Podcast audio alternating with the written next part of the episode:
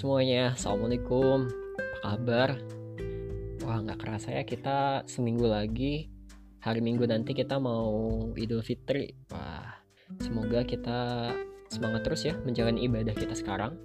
Dan meskipun kondisinya sekarang kita agak bisa nggak nggak semua orang bisa kumpul bersama keluarga karena situasi pandemi tapi mudah-mudahan itu nggak menyurutkan semangat kita untuk menjadi pribadi yang lebih baik lagi.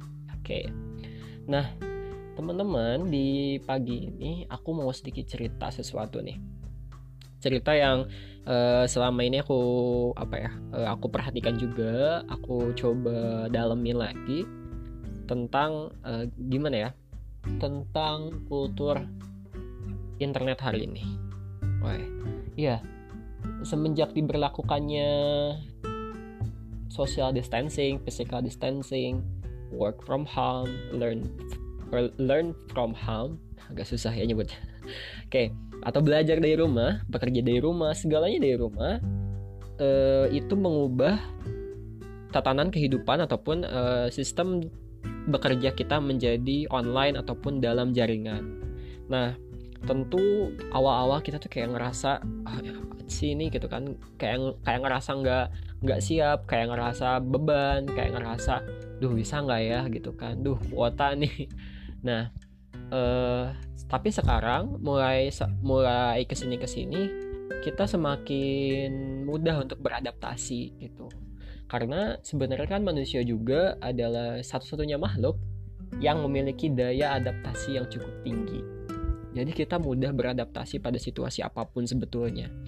Nah, eh, siklusnya hari ini adalah kondisi media sosial kita, kondisi internet kita itu jauh lebih produktif dan juga lebih bermanfaat.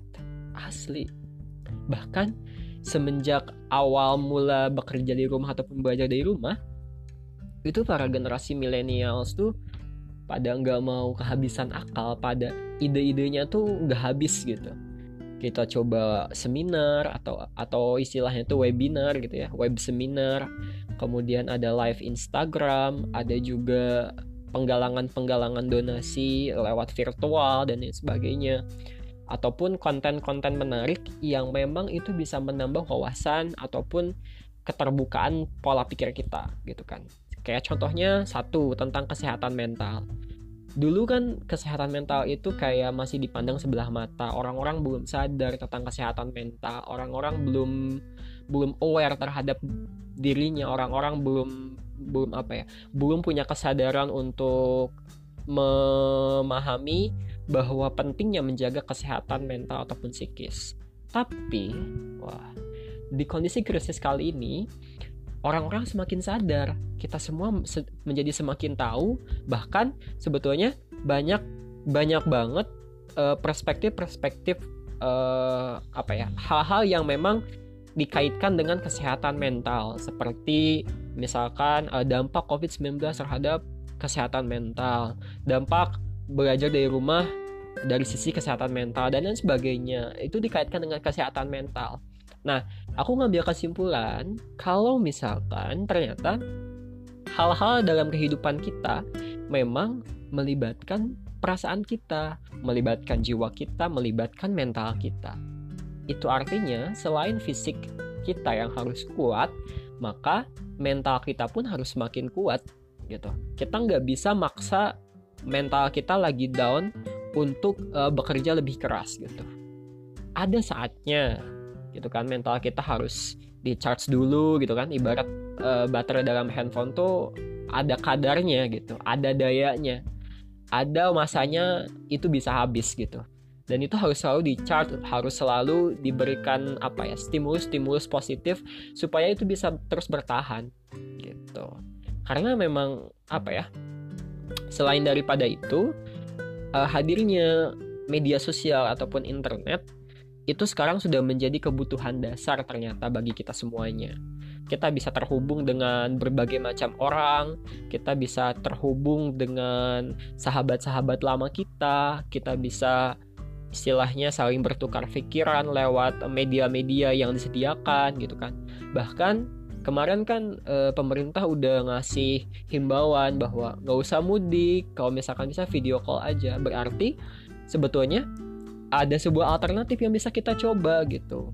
Hanya saja di sini kita harus tahu dulu gitu kan e, bagaimana memanfaatkannya bagaimana cara makainya gitu kan bagaimana uh, ketika kita memakai media ini uh, apa dampaknya gitu kan. Kita harus memperhatikan juga itu supaya uh, bagaimana alat yang kita gunakan teknologi yang kita gunakan media yang kita gunakan itu bisa ngasih ngasih manfaat ngasih benefit ke diri kita. Bahkan kita bisa share apa pun gitu. Kita bisa share tentang informasi-informasi uh, bermanfaat seputar kesehatan pendidikan ataupun hal-hal lain yang memang itu cukup relevan gitu untuk kita sebarkan. Karena tantangan banget sih untuk di sekarang itu informasi bertebaran eh, apa media sosial makin menjamur konten-konten semakin banyak gitu kan. Nah bagaimana caranya? Tentu kita harus bisa memilahnya gitu kan. Jangan sampai oh ini konten yang tidak uh, konten yang seharusnya tidak tidak layak dikonsumsi malah kita konsumsi gitu. Nah itu yang bahayanya jadi uh, apalagi informasi hoax apalagi informasi-informasi yang menyudutkan uh, personal salah satu pihak itu harus kita uh, bisa filter harus bisa kita jaring supaya kita uh, punya yang namanya uh, apa ya nilai ataupun kita punya prinsip bahwa ini yang kita butuhkan, ini yang kita inginkan, ini yang harusnya kita lakukan dan ini harusnya yang harusnya kita konsumsi gitu. Jadi mudah-mudahan dengan adanya uh, apa ya stimulus kultur positif pada masa krisis ini kita bisa belajar banyak bahwa teknologi itu penting kalau misalkan kita bisa memanfaatkannya. Dan ternyata banyak media-media, medium-medium yang belum kita coba, gitu kan. Nah, semoga kita semua bisa terus memanfaatkan situasi ini untuk bisa belajar, untuk tidak berkeluh kesah. Boleh mengeluh, tapi setelah itu kita lanjut lagi ya. Oke? Okay?